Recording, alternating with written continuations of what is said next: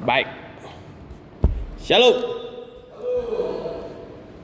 Selamat pagi. Bapak Ibu semua yang di rumah dan yang di gereja. Bagaimana kabarnya semua? Haleluya. Em, bolehkah yang sebelah sini ke tengah semua supaya pandangannya jadi lebih enak? Siap. Em, senang sekali bisa ketemu dan kembali belajar firman sama-sama. Ini hari Minggu buat kita semuanya.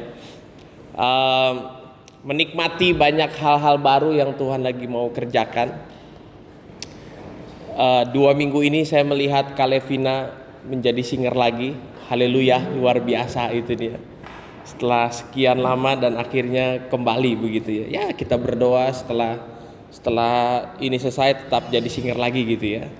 Puji Tuhan. Nah, em, ibadah online dan di semua tempat mengikuti himbauan dan anjuran pemerintah. Beberapa orang beberapa orang nanya gimana gereja nggak ada kebaktian kolektenya bagaimana dan yang lain begitu ya Em, pemasukan berkurang dan yang lain semuanya Em, tapi kalau kita mau lihat gitu ya artinya justru inilah saat dan waktu di mana justru semua kita belajar kolekte bukan cuma pas kebaktian aja gitu kan ya. Kapan aja bisa. Oke tapi bukan itu yang paling penting. Nah em, baik semua. Kita belajar firman Tuhan. Jadi yang di rumah yang di mana pun semuanya apabila tidak merepotkan dan apabila bisa yuk siapin catatan siapin semuanya. Kita akan kita akan lihat itu dia. Nah em, sudah terlalu sudah terlalu banyak kita mendengar banyak hal dan sudah sudah terlalu lama juga kita mendengar banyak hal tapi marilah sekarang kita kembali mendengar apa yang menjadi prinsip Alkitab buat kita semuanya. Amin ya. Em, rasanya sudah cukup kita berhenti latah tentang apa yang lagi terjadi sekarang, corona, covid dan yang lain semuanya.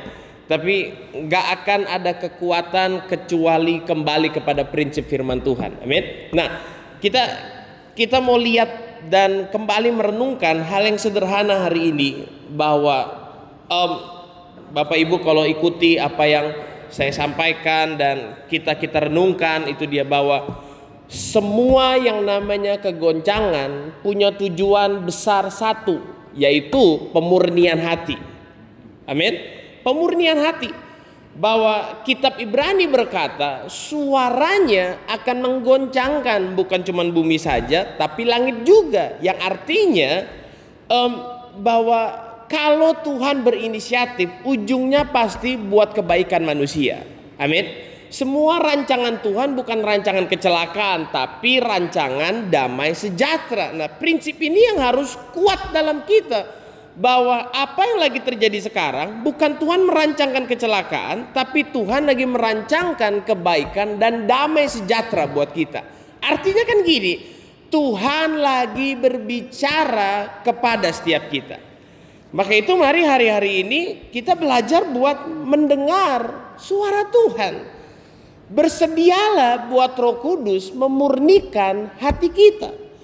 Jangan sampai kita berhasil melihat masalah, kita berhasil melihat realita, kita berhasil melihat keadaan, atau bahkan kita berhasil melihat kegelapan, tapi kita gagal melihat rancangan Tuhan.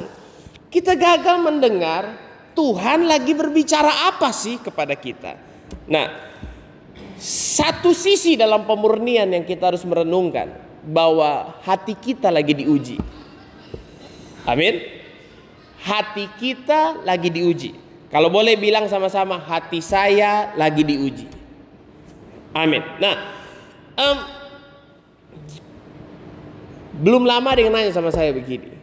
Pertobatan itu apa sih sesungguhnya artinya? Makin ke sini saya makin merenungkan bahwa menurut saya pertobatan adalah kejujuran. Ketika kita bicara pertobatan, yang Tuhan cari bukan kata-kata bertobat, yang Tuhan cari kejujuran hati.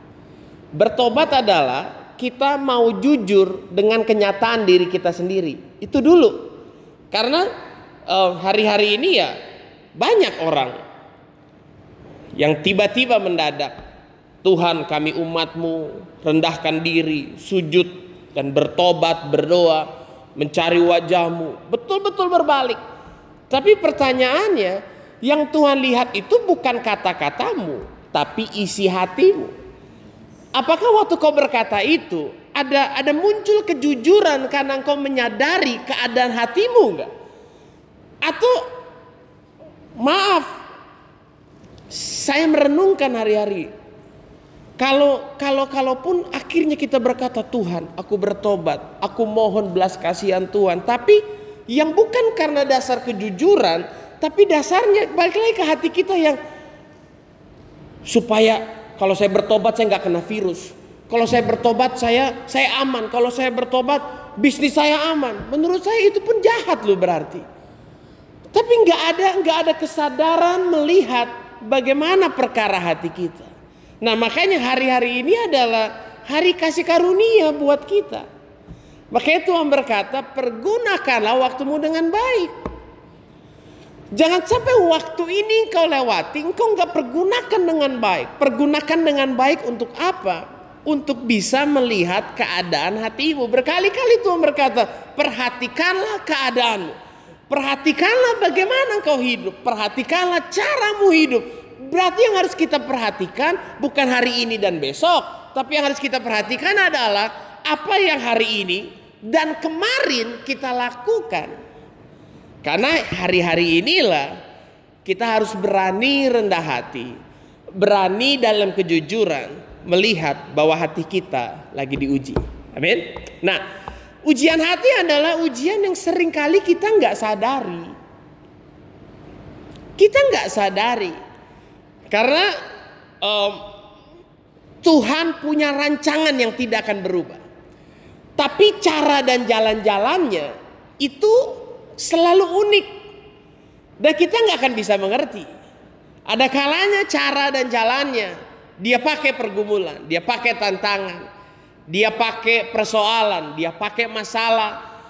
Atau mungkin dia pakai banyak hal.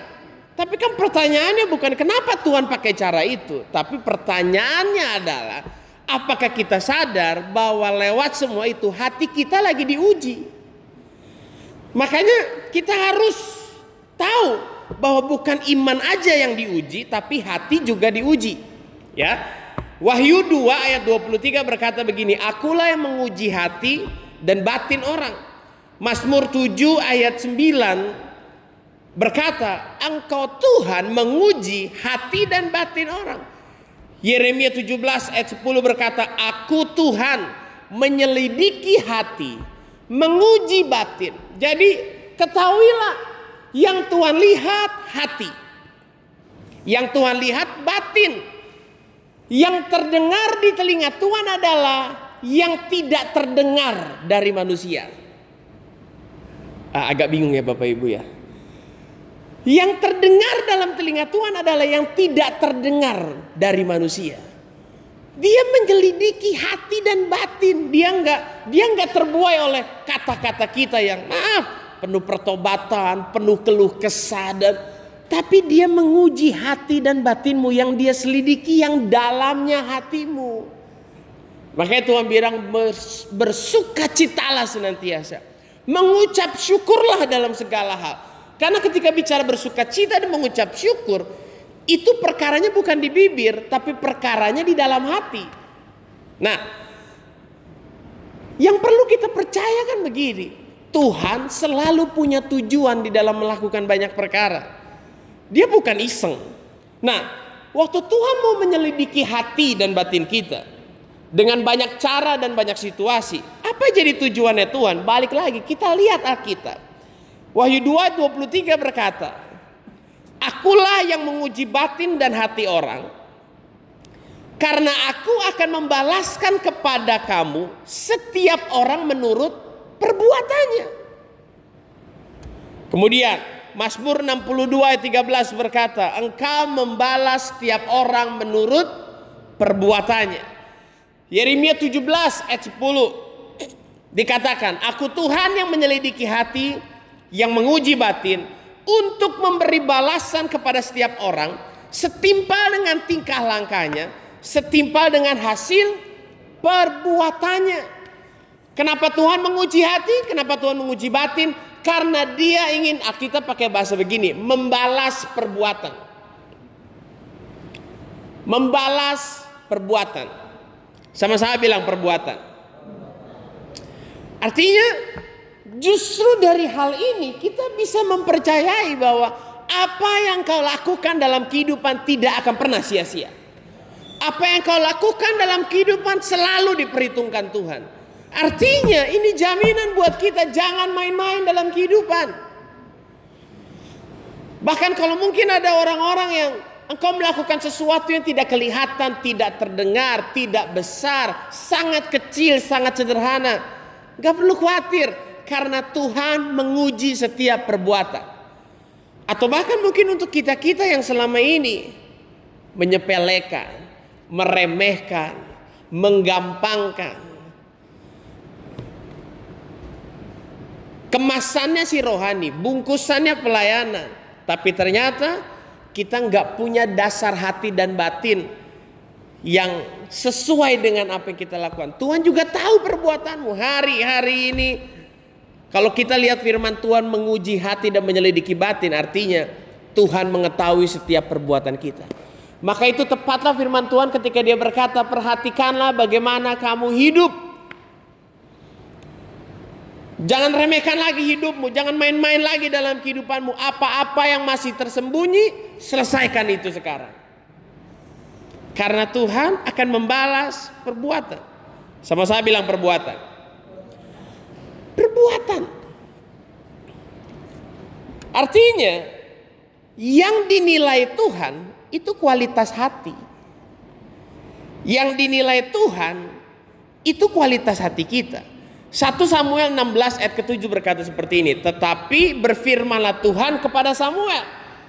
Waktu dia mau memilih raja. Maka dia datang kepada satu orang yang namanya Isai.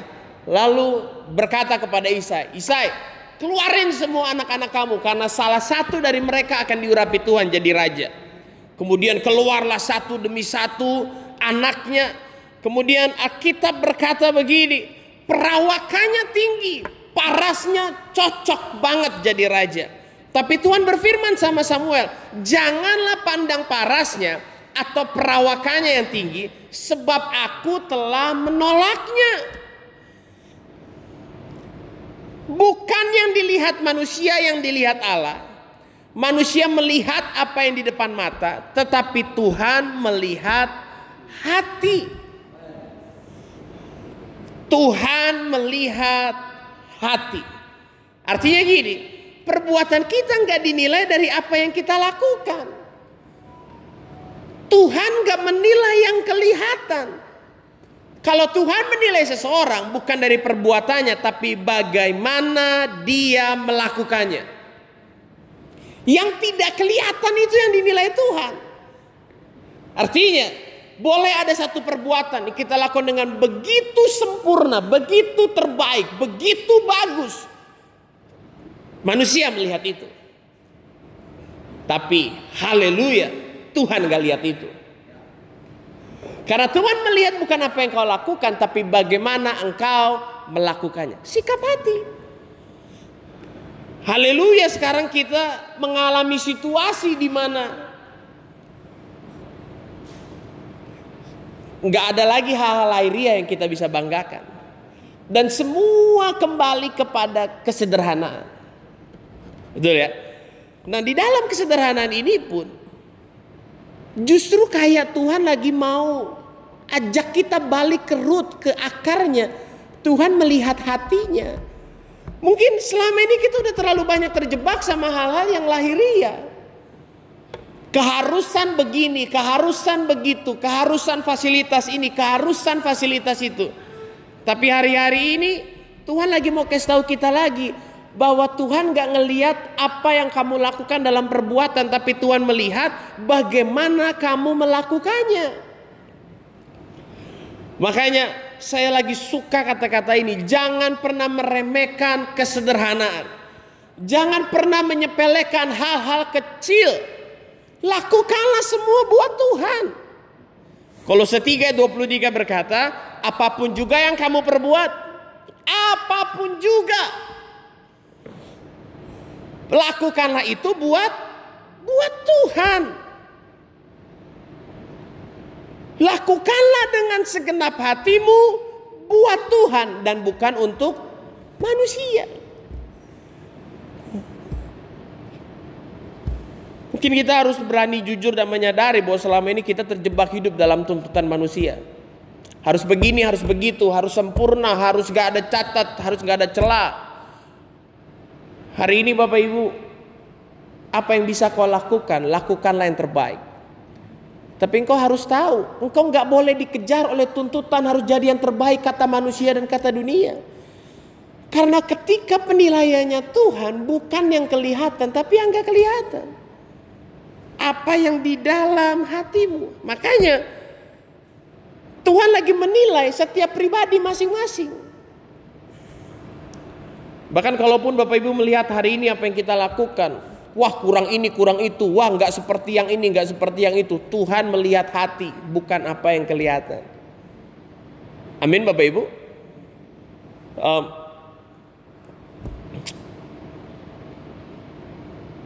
sekarang gini, Tuhan mengizinkan sesuatu terjadi hanya untuk melihat bagaimana kita bereaksi. Jadi pertanyaannya bukan kenapa Tuhan izinkan banyak hal terjadi sama hidup kita. Tapi yuk mari kita bisa menyadari bahwa Tuhan mengizinkan semuanya untuk melihat bagaimana reaksi hati kita. Tuhan cuma ingin tahu apa yang terjadi di hati kita, apa yang mengisi hati kita. Ayub 7 coba kita lihat. Ayub 7 ayat 17 berkata, Apakah gerangan manusia sehingga dia kau anggap agung dan kau perhatikan?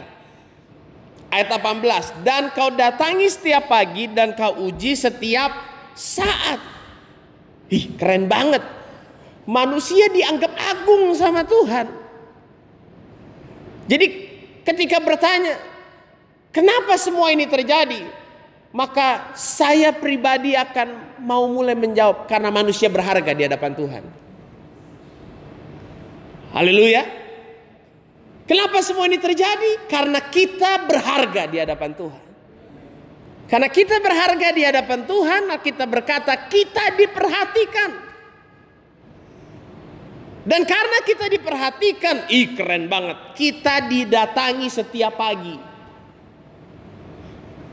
Nah ini yang sering dipakai untuk, makanya kalau doa pagi-pagi. Kalau pagi-pagi bangun doa. Ya saya setuju untuk itu. Tapi ada lanjutannya lagi. Bahwa kita didatangi setiap pagi sama Tuhan. Untuk apa? Kan pertanyaan begitu. Untuk apa? Untuk diuji setiap saat. Didatanginya cuma pagi-pagi, diujinya setiap saat.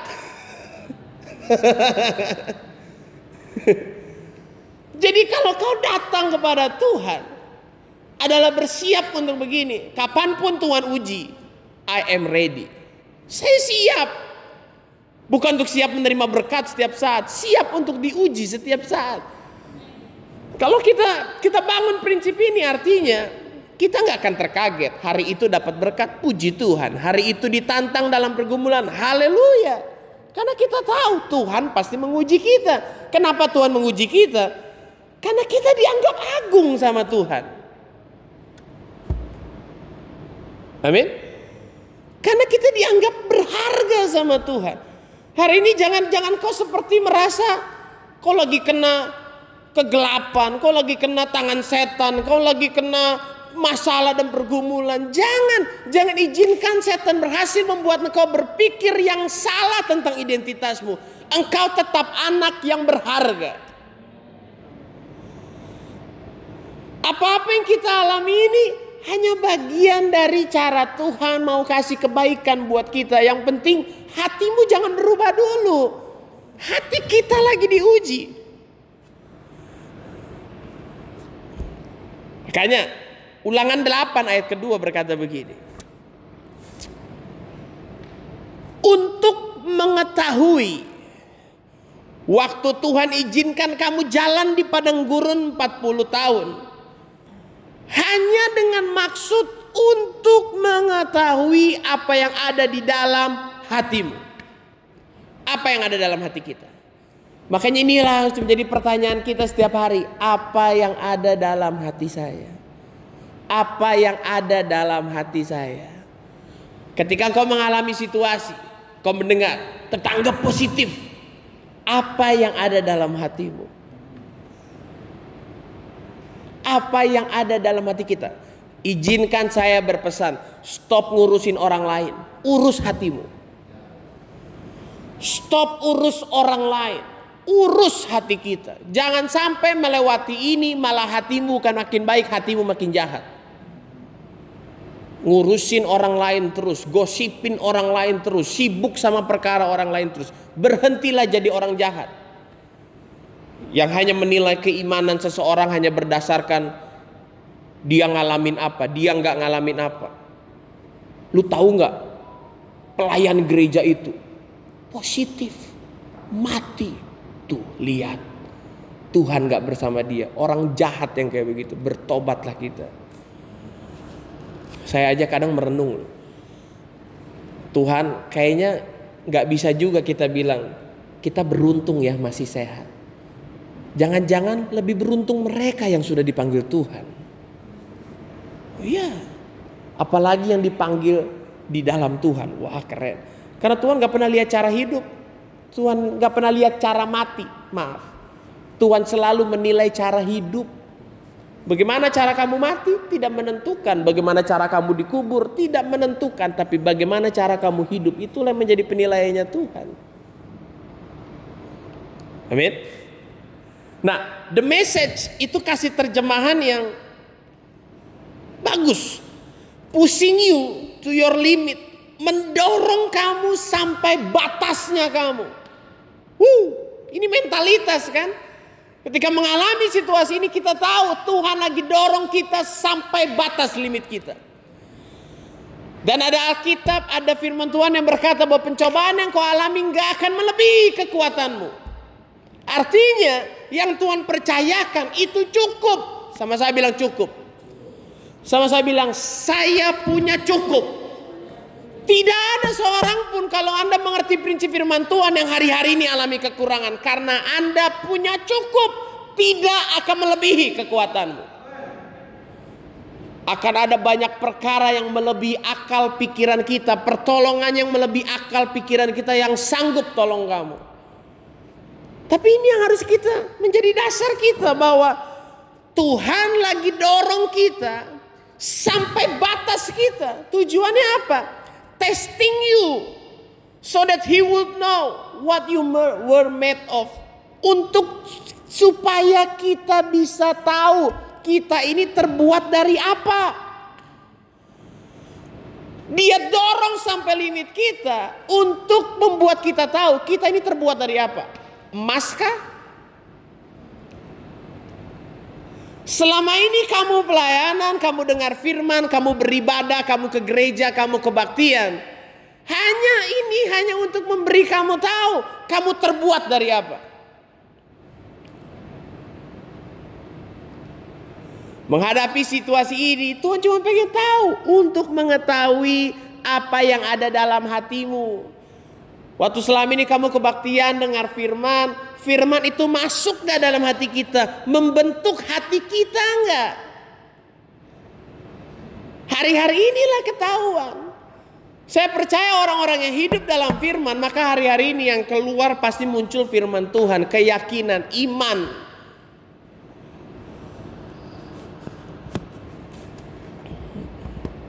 Inilah akibatnya mungkin banyak jemaat Tuhan yang setiap kali kebaktian online terus. Makanya sekarang dikasih betul-betul sama Tuhan kebaktian online. Kebaktian tidur, kebaktian main WA, kebaktian main Instagram. Makanya sekarang kamu semua disuruh main Instagram sambil kebaktian. main Facebook tapi lihat kebaktian. Ya, inilah waktunya untuk kita melihat hati kita. Kita terbuat dari apa? Reaksi kita yang menjadi pusat perhatian Tuhan. Dan fokus Tuhan bukan pada penampilan luar, tapi kepada sikap hati kita. Reaksi. Apa yang jadi sikapmu menghadapi ini semua? Itu yang menjadi pusat penilaiannya Tuhan. Apa yang menjadi sikap kita, itu yang akan membuat kita dilihat Tuhan. Apa yang menjadi reaksi? Sama saya bilang reaksi. Sama saya bilang respon. Hari-hari ini jadilah orang yang berkenan. Jadilah orang yang menyenangkan Tuhan. Nah, maka kalau kita bilang siapa pribadi yang begitu menyenangkan Tuhan, kita pasti mengarah kepada satu orang, Daud kan? Kisah para Rasul 13 ayat 22 itu Tuhan kasih sebuah statement mengenai Daud. Coba-coba kita baca dulu. Kisah para Rasul 13 ayat 22.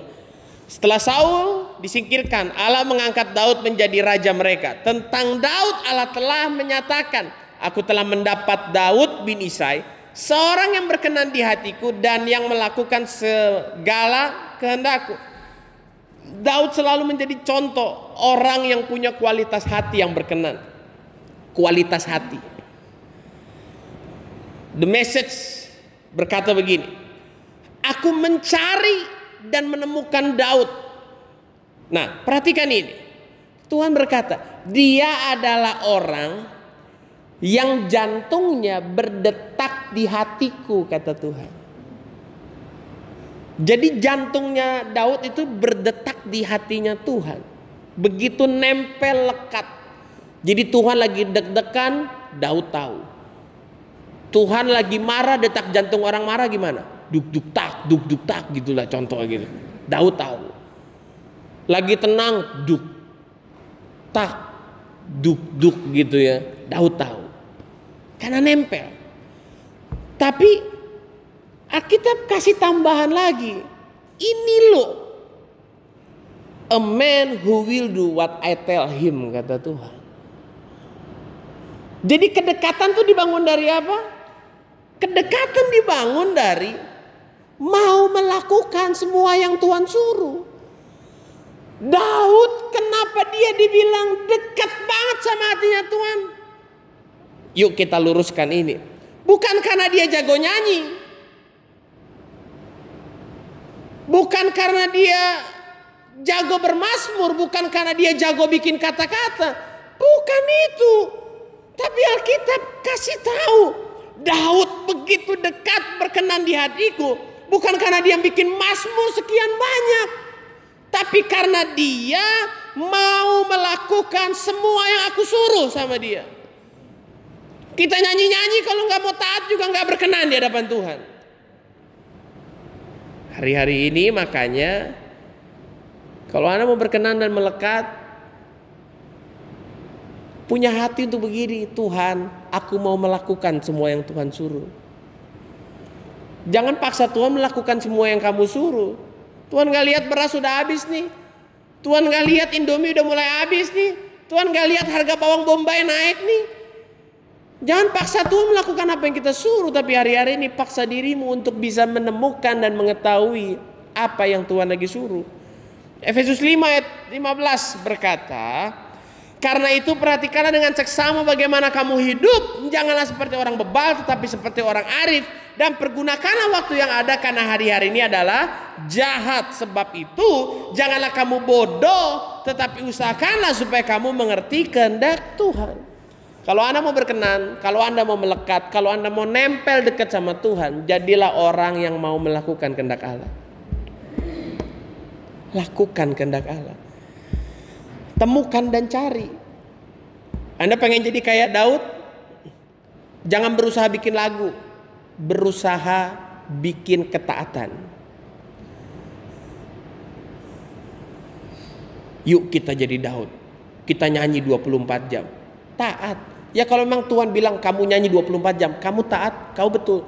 Tapi kalau Tuhan bilang begini, kamu ketemu tetanggamu minta maaf sama dia gara-gara lu gosipin dia kemarin. Terus kamu nyanyi, itu nggak taat namanya. Jangan pakai hal-hal rohani hanya untuk menggiring ketidaktaatanmu. Hanya untuk mengganti harga bayar yang harusnya kamu lakukan. Kamu harusnya memaafkan. Kamu pilih baca Alkitab. Kamu nggak taat berarti. Haleluya. Taat adalah mendengar dan melakukan. Sama saya bilang mendengar. Mendengar dan melakukan. Dan kita harus berusaha buat mengerti kehendak Tuhan hari-hari ini. Dan terketahuilah ini. Bukanlah sebuah kebodohan melakukan kehendak Tuhan. Justru manusia yang menolak kehendak Tuhan adalah manusia yang memilih hidup dalam kebodohan. Hari-hari ini cari kehendak Tuhan. Ketahui kehendak Tuhan. Lakukan kehendak Tuhan. Jangan sampai keluar dari koridor itu. Pokoknya hari-hari ini carilah satu kehendak Tuhan. Lebih dari kamu cari obat, lebih dari kamu cari resep jamu, lebih dari kamu cari carilah kehendak Tuhan. Semua orang cari berita, semua orang cari informasi. Cari kehendak Tuhan. Yang akan menyelamatkan kamu, yang akan membuat kamu mempergunakan waktu adalah kehendak Tuhan. Hari-hari ini bukanlah sebuah kebodohan melakukan kehendak Tuhan. Alkitab berkata, hari-hari terakhir akan makin sukar. Dan kesukaran itu muncul karena manusia mencintai dirinya sendiri dan mencintai uang.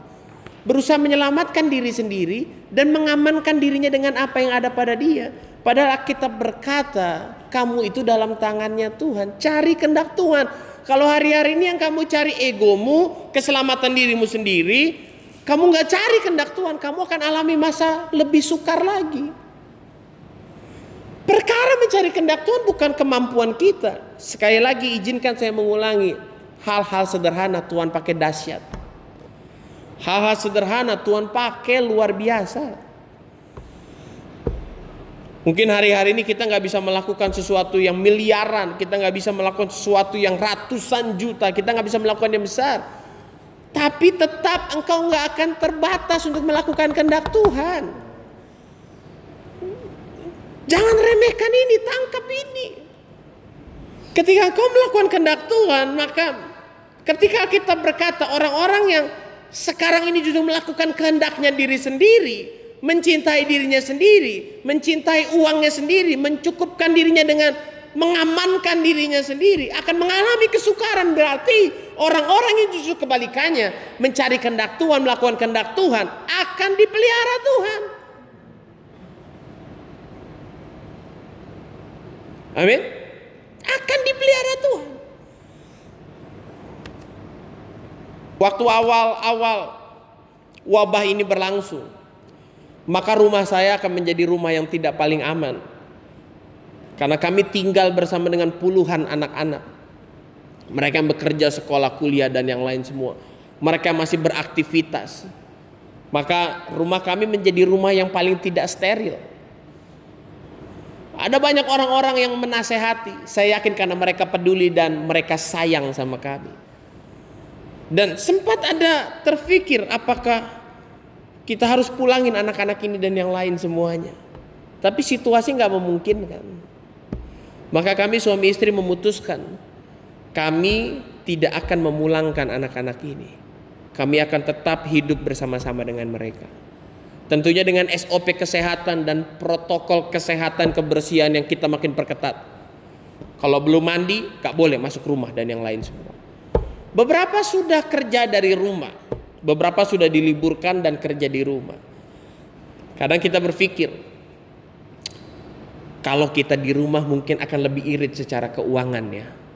Ternyata salah total di rumah aja itu bikin pengeluaran lebih banyak daripada di luar aja ternyata begitu kan ketika di rumah listrik nyala makanan jadi perlu banyak dan yang lain semua jadi lebih boros di tengah pemikiran-pemikiran mengusahakan akhirnya kita mencukupkan diri dengan apa yang ada Istri saya itu di rumah sampai berapa tupperware dari hari pertama kita langsung mulai begini, bikin orek tempe. Kenapa orek tempe? Karena itu yang murah bisa awet satu minggu nggak jamuran. kering, gak perlu dipanasin, gak perlu apa pokoknya. Makan orek tempe dan ternyata orek tempe bisa bikin darah tinggi juga. Setelah satu minggu dimakan, orek lagi, orek lagi gitu kan. Tapi situasi ini ya kita harus melatih diri. Dan akhirnya saya cuman seperti Tuhan bicara. Dia kamu sudah di rumah rame. Yang lain terkunci di rumah masing-masing. Bikin sesuatu. Makanya kita bikin ibadah dari rumah. Karena kita sudah di rumah. Dengan kumpulnya segitu banyak Tuhan bilang setiap hari bikin. Ya belajar taat aja. Tuhan kita punya peralatan sederhana. Kita punya peralatan gak kayak yang lain apa. Bahkan Tuhan bilang begini, sebarkan, bikin online, bikin live streaming. Maka ada pertanyaan juga begini, Tuhan followers kita gak banyak juga, ngapain kita bikin? Tapi persoalannya hari ini Tuhan lagi bicara begini, bukan apa yang dilihat manusia. Tapi kamu mau nggak lakukan yang Tuhan suruh? Itu. Makanya dengan segala keterbatasan dan segala keadaan, kita cuma mau belajar taat aja. Makanya kalau kumpul sama anak-anak semua kita cuma bilang begini. Kamu tahu nggak? Kita disuruh bikin kayak begini. Bukan karena kita bagus, bukan karena kita keren peralatan seadanya, main musik juga nggak bagus, suara suara saya bagus banget, suara saya itu menggetarkan, orang dengar suara saya bergetar kalau nyanyi. Bukan karena bagus ya, tapi karena Tuhan mau lihat hati kita. Kamu mau taat ya? Kamu melakukan ini buat kepentingan apa?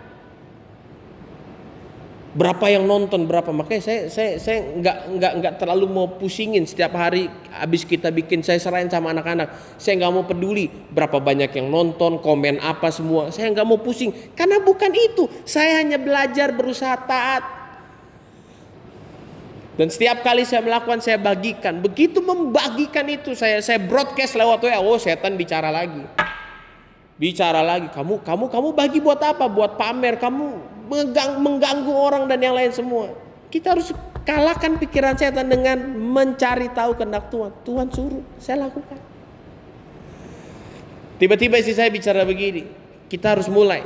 Setiap hari kita lakukan sesuatu yang sederhana, sederhana. Saya hanya mengeluarkan uang yang sederhana setiap hari. Saya cari orang-orang yang punya usaha dan yang mereka ada pakai um, bisa dibeli online. Lalu kita ambil ojek online. Beli makanan di tempat jemaat dan anak-anak ini sehingga mereka punya omset. Lalu makanannya dibawa untuk ojek online ini buat mereka. Itu murah sekali nggak mahal. Setiap hari saya bikin satu aja cukup. Lalu saya bagikan saya sebarkan. Oh hari-hari pertama orang kalau memberi jangan pamer. Kalau tangan kanan beri tangan kiri nggak boleh tahu. Nggak usah tunjuk-tunjukin dan apa saya berpikir gini, memang netizen lebih iblis daripada iblis begitu ya memang ya. Tapi saya cuma belajar, saya mau taat aja Tuhan suruh. Begitu saya mulai taat, kekhawatiran kedua masuk. Kalau dihitung-hitung kali satu bulan, lumayan nih ya.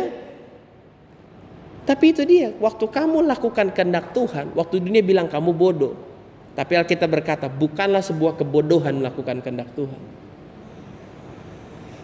Waktu saya mulai bertanya, Tuhan, lumayan Tuhan. Kita nggak tahu, mungkin sebulan, sebulan juga lumayan. Tapi dengan cara Tuhan yang ajaib, tiba-tiba ada orang transfer kecil, tapi cukup buat membiayai selama satu bulan untuk pekerjaan yang online ini, sehingga saya bisa terus lakukan itu konsisten. Sederhana, ini bukan masalah ojek online-nya atau apa. Tidak ada metode dan cara. Yang penting satu, carilah kehendak Tuhan dalam hidup saudara. Dan saya bagikan terus. Saya saya berusaha broadcast terus. Dan senang untuk melihat ternyata ada gereja-gereja, ada orang-orang yang ternyata terinspirasi dan akhirnya mereka juga mau mengikuti menjadi berkat mereka melakukan dengan cara mereka dan masing-masing semua intinya hari ini jangan remehkan hal kecil dan sederhana Engkau nggak akan pernah tahu betapa hal kecil dan sederhana itu bisa menjadi sebuah kekuatan, bisa menjadi sebuah dampak yang besar. Karena yang bekerja bukan apa yang kau lakukan, tapi kuasa Roh Kudus lewat ketaatanmu. Bukan betapa hebat, betapa keren yang kau lakukan, tapi gini, Roh Kudus memakai apa yang lagi dikerjakan itu. Lakukan kehendak Allah. Pakai waktu ini buat cari kehendak Tuhan. Yang kecil aja, sederhana dan sepele. Maka ayat terakhir muncul. Amsal 4 ayat 23. Menjaga hati dengan segala kewaspadaan berarti menjaga hati untuk tetap bersikap benar di dalam di hadapan Tuhan dalam menghadapi situasi apa pun. Mungkin keuangan kita jadi nggak benar karena situasi ini, tapi jangan sampai hatimu ikut jadi nggak benar. Pekerjaan kita jadi nggak benar karena situasi ini, tapi hati kita harus tetap benar. Jagalah hatimu dengan segala kewaspadaan karena kehidupan muncul dari situ. Reaksi hati yang benar adalah hasil daripada keputusan. Sama saya bilang keputusan. Bukan perasaan, keputusan. Dan makanya apa yang menjadi kebiasaan kita Bukan perasaan-perasaan kita. Hari ini jemaat Tuhan, sahabat semuanya, dengar dengan baik, perbaiki kebiasaanmu. Karena kebiasaan itulah yang menentukan keputusan-keputusanmu dalam kehidupan. Makanya gunakan waktu ini, mesbah keluarga di rumah, bangun keluarga di rumah, dengar suami-suami, ini waktunya pimpin doa setiap hari di rumah. Baca firman buat keluargamu setiap hari di rumah. Jangan cengengesan waktu dengar ini.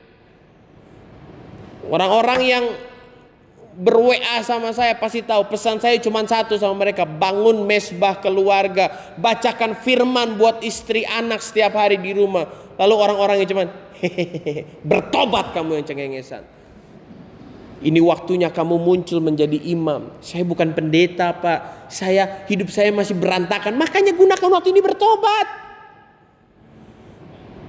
Hari-hari inilah perkara yang sederhana yang Tuhan lagi pakai. Kebiasaan apa yang mesti kita bangun? Maka kalau bicara Amsal 4 ayat 23 itu sebetulnya dimulai dari ayat yang ke-20.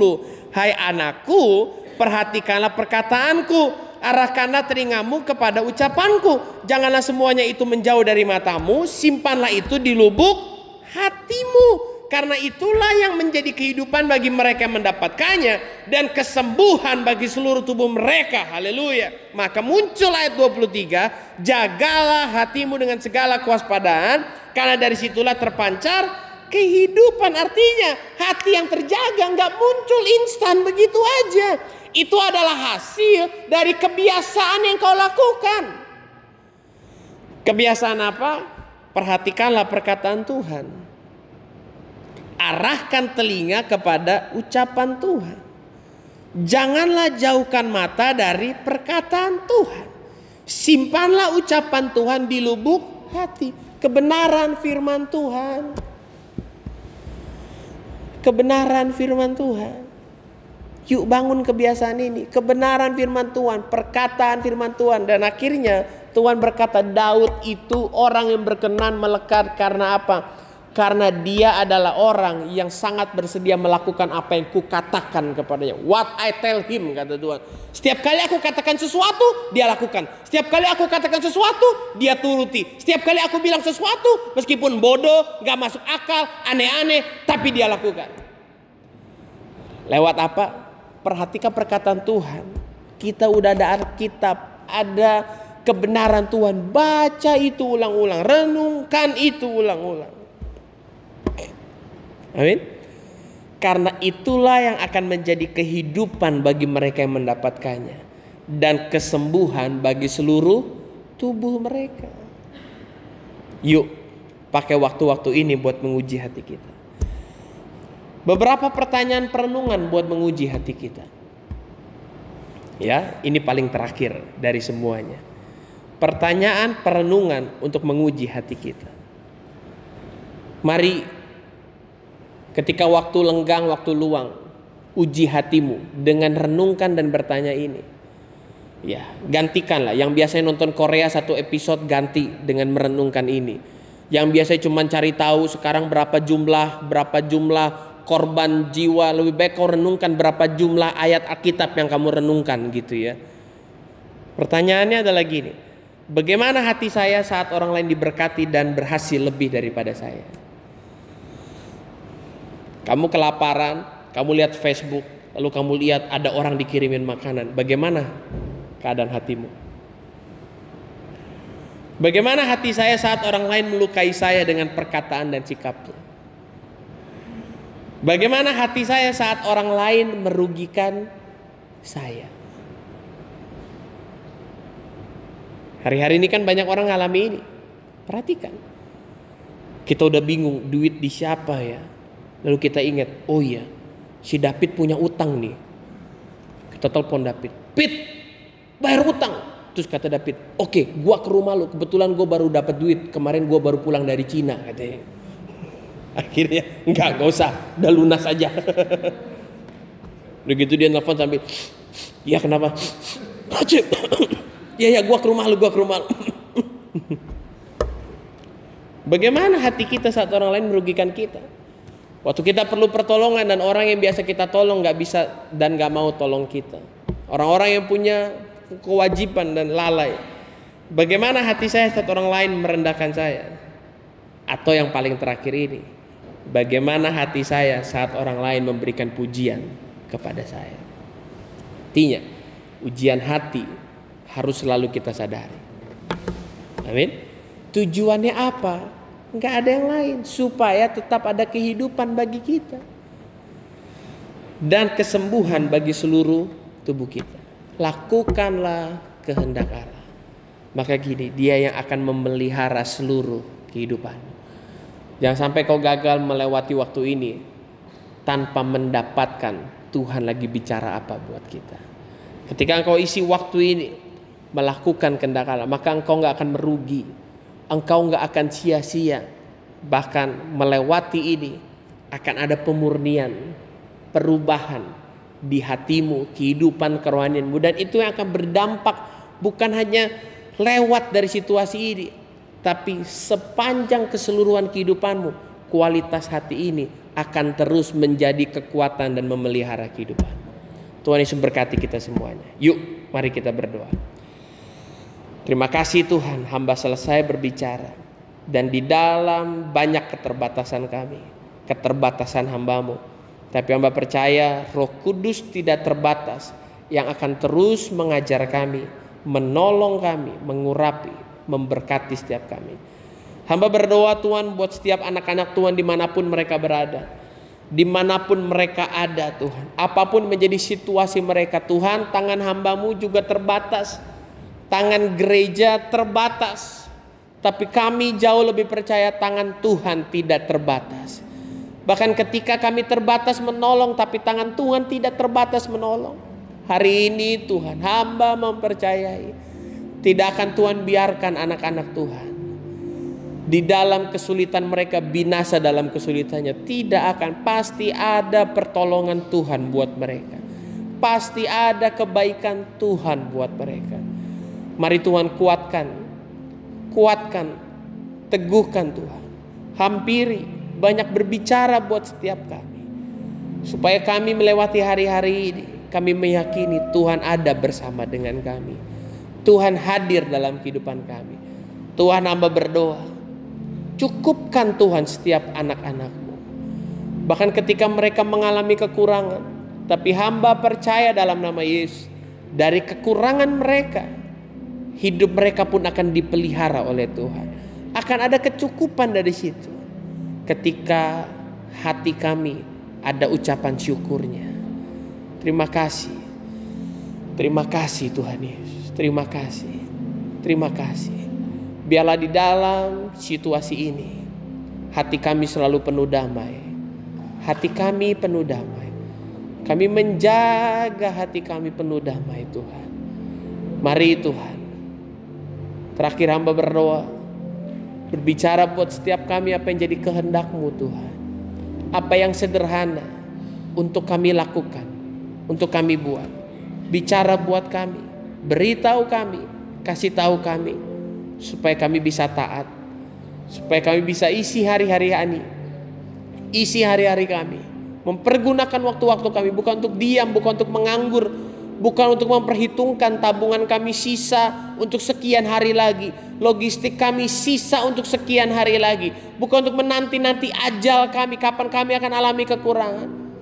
Tapi kami mau isi hari-hari kami, mempergunakan waktu ini untuk melakukan kehendak Allah. Makasih Tuhan. Tuhan urapi. Tuhan urapi. Hamba selesai dengan semua perkataan, dengan semua di dalam keterbatasan ini. Biarlah Tuhan yang mengurapi, memberkati dan menjadikannya berkat bagi kami. Setiap kami dalam pemeliharaan Tuhan. Setiap kami aman dalam perlindungan Tuhan. Dalam nama Tuhan Yesus kami berdoa, kami bersyukur. Haleluya. Amin.